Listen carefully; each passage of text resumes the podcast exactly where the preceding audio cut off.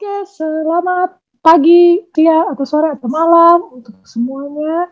Pendengar setia dari Project Nirvana. Uh, semoga di mana pun, kapan pun, dan apa pun yang kalian lakukan saat mendengarkan podcast ini, kalian semua sehat selalu ya. Di sini kami full team bertiga, ada aku Tita, ada Max, dan ada Dito. Kali ini kita kedatangan tamu merupakan alumnus dari Fakultas Sejuta Umat di Indonesia. Penasaran? Selamat datang di Project Nirvana.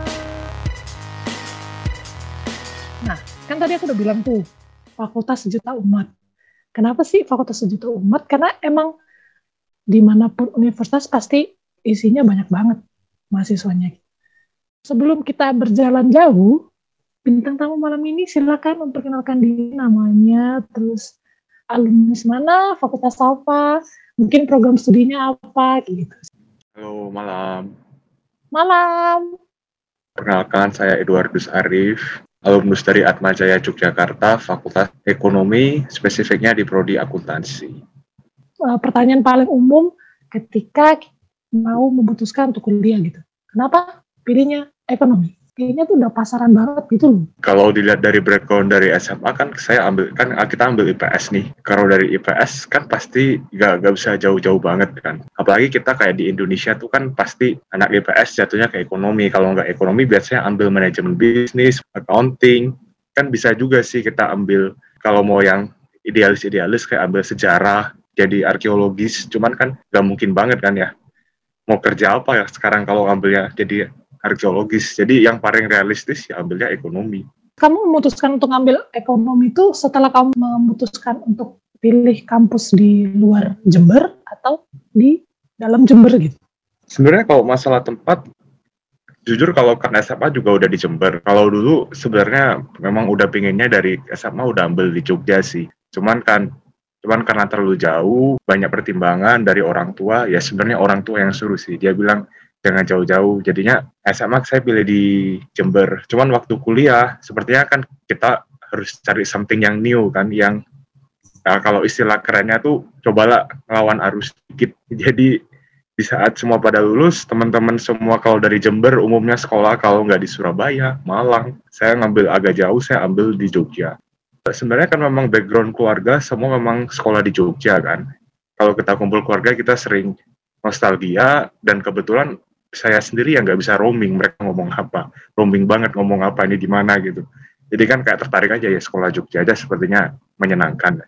Kalau kenapa bisa pilih Atma Jaya karena SMA itu kurangnya informasi kan ya. Kayak misalnya di Jogja tuh ada sekolah apa aja. Itu pengennya masuk negeri cuman ya biasa kalau masuk negeri kan banyak tesnya ya. Males juga mau belajar lagi. Jadi ya udahlah ambil aja jalur yang yang lebih mudah akhirnya saya pilih swasta. Kok nggak ikut ini dong kayak SNMPTN, SBM kayak gitu gitu berarti nggak ikut dong. Pernah ikut cuma satu kali terus daftar doang terus kagak ikut lagi kagak ikut tesnya. Kalau dibilang males belajar lagi sebenarnya enggak kan. Cuman kalau dilihat dari segi materi kan banyak banget ya.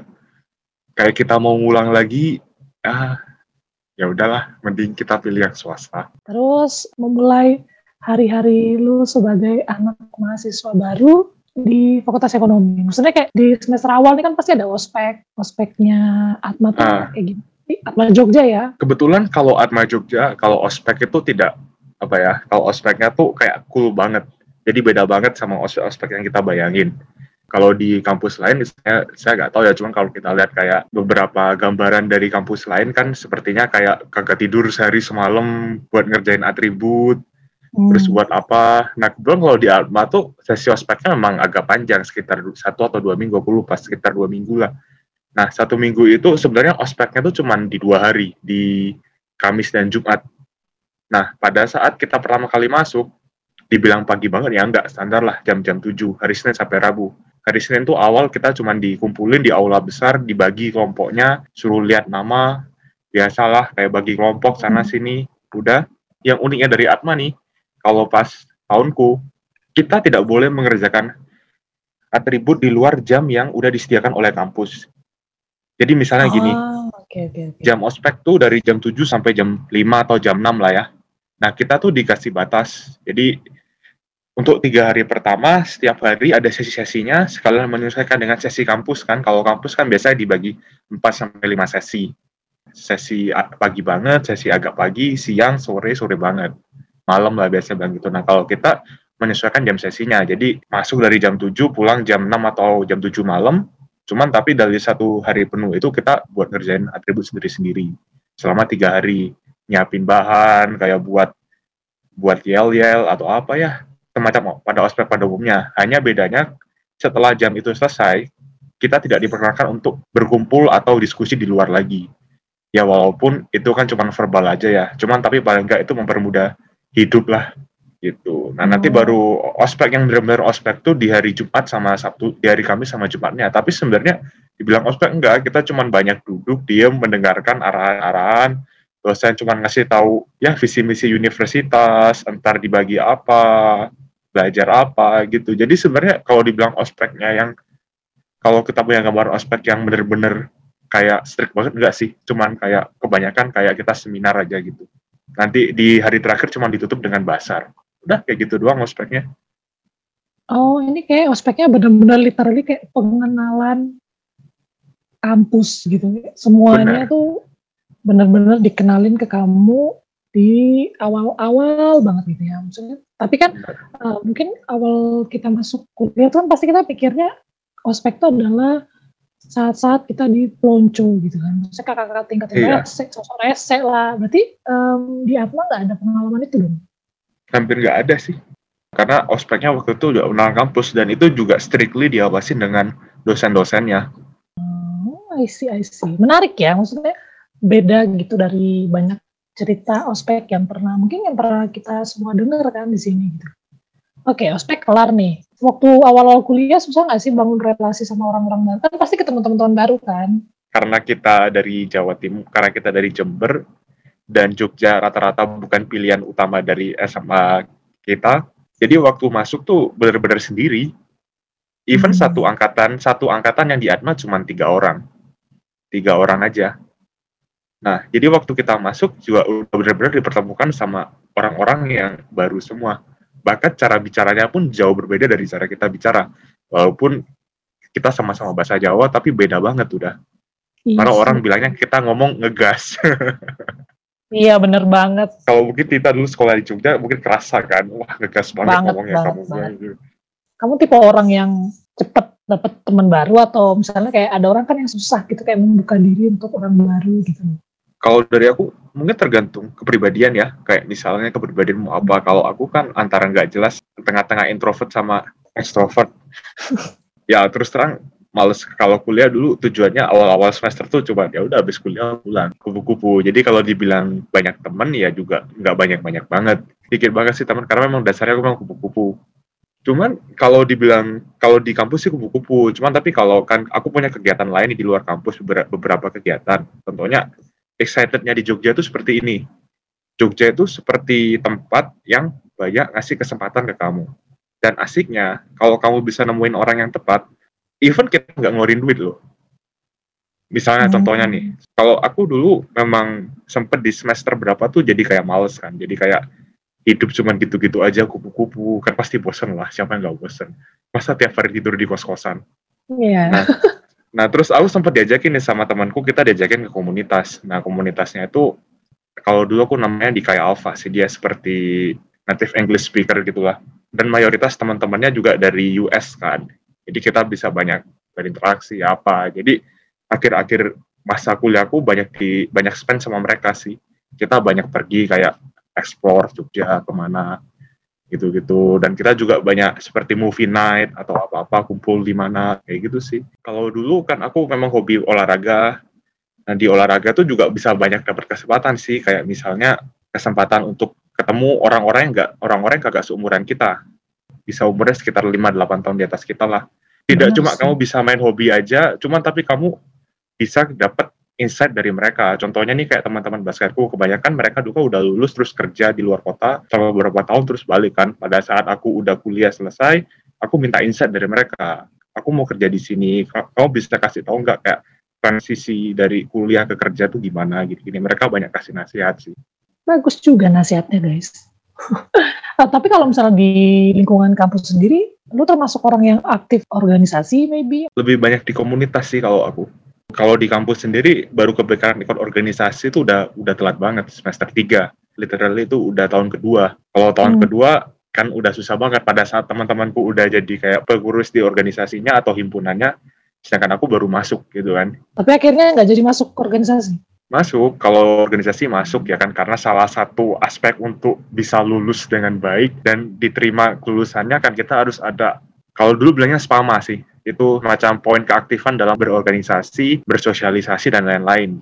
Jadi kalau di Atmajaya selain GPA-nya dihitung, IP-nya dihitung, kita juga ada semacam sistem poin yang mengukur kita di kampus tuh ngapain aja. Termasuk kegiatan-kegiatan di sosial, cuman jarang sih yang kegiatan sosial. Banyak kan di himpunan dan komunitas atau di kegiatan fakultas. Kalau bedanya himpunan sama kegiatan fakultas, kegiatan fakultas tuh cenderungnya lebih kayak ke hobi sih, kayak olahraga, apa. Cuman hmm. karena kita dulu mikir buat gimana sih caranya buat olahraga ini juga bisa berkontribusi ke keaktifan dalam hidup kuliah. Jadi kita buat organisasi, ya semacam organisasi hmm. mandiri gitu. Kita keluarin sertifikat, apa gitu-gitu untuk mendukung bahwa kita juga berpartisipasi dalam olahraga dan juga berpartisipasi dalam organisasi gitu.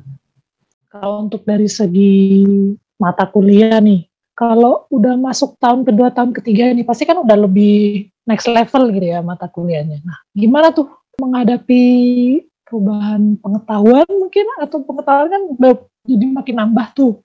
Terus juga mungkin ritme kuliahmu jadi berubah atau lebih sibuk atau mungkin lebih slow. Uh, sebenarnya tergantung lagi ya kalau misalnya ini sedikit flashback aja ya kalau karena aku ngambil akuntansi semester 1 dan kedua itu tidak banyak perubahan lebih banyak ke mengulang materi waktu SMA pada waktu masuk tahun ketiga biasa tahun ketiga itu kita mulai dihadapkan ke level yang namanya intermediate istilahnya itu udah mulai terapan dikit gitu loh udah kayak bener-bener accountingnya kelihatan banget di sana. Nah, pada waktu accounting tuh udah mulai transisi nih, sedikit susah nih di tahun ketiga. Nah, nanti waktu tahun keempat, itu kita naik lagi ke level yang namanya advanced accounting. Di advanced accounting itu kan juga lebih susah juga nih.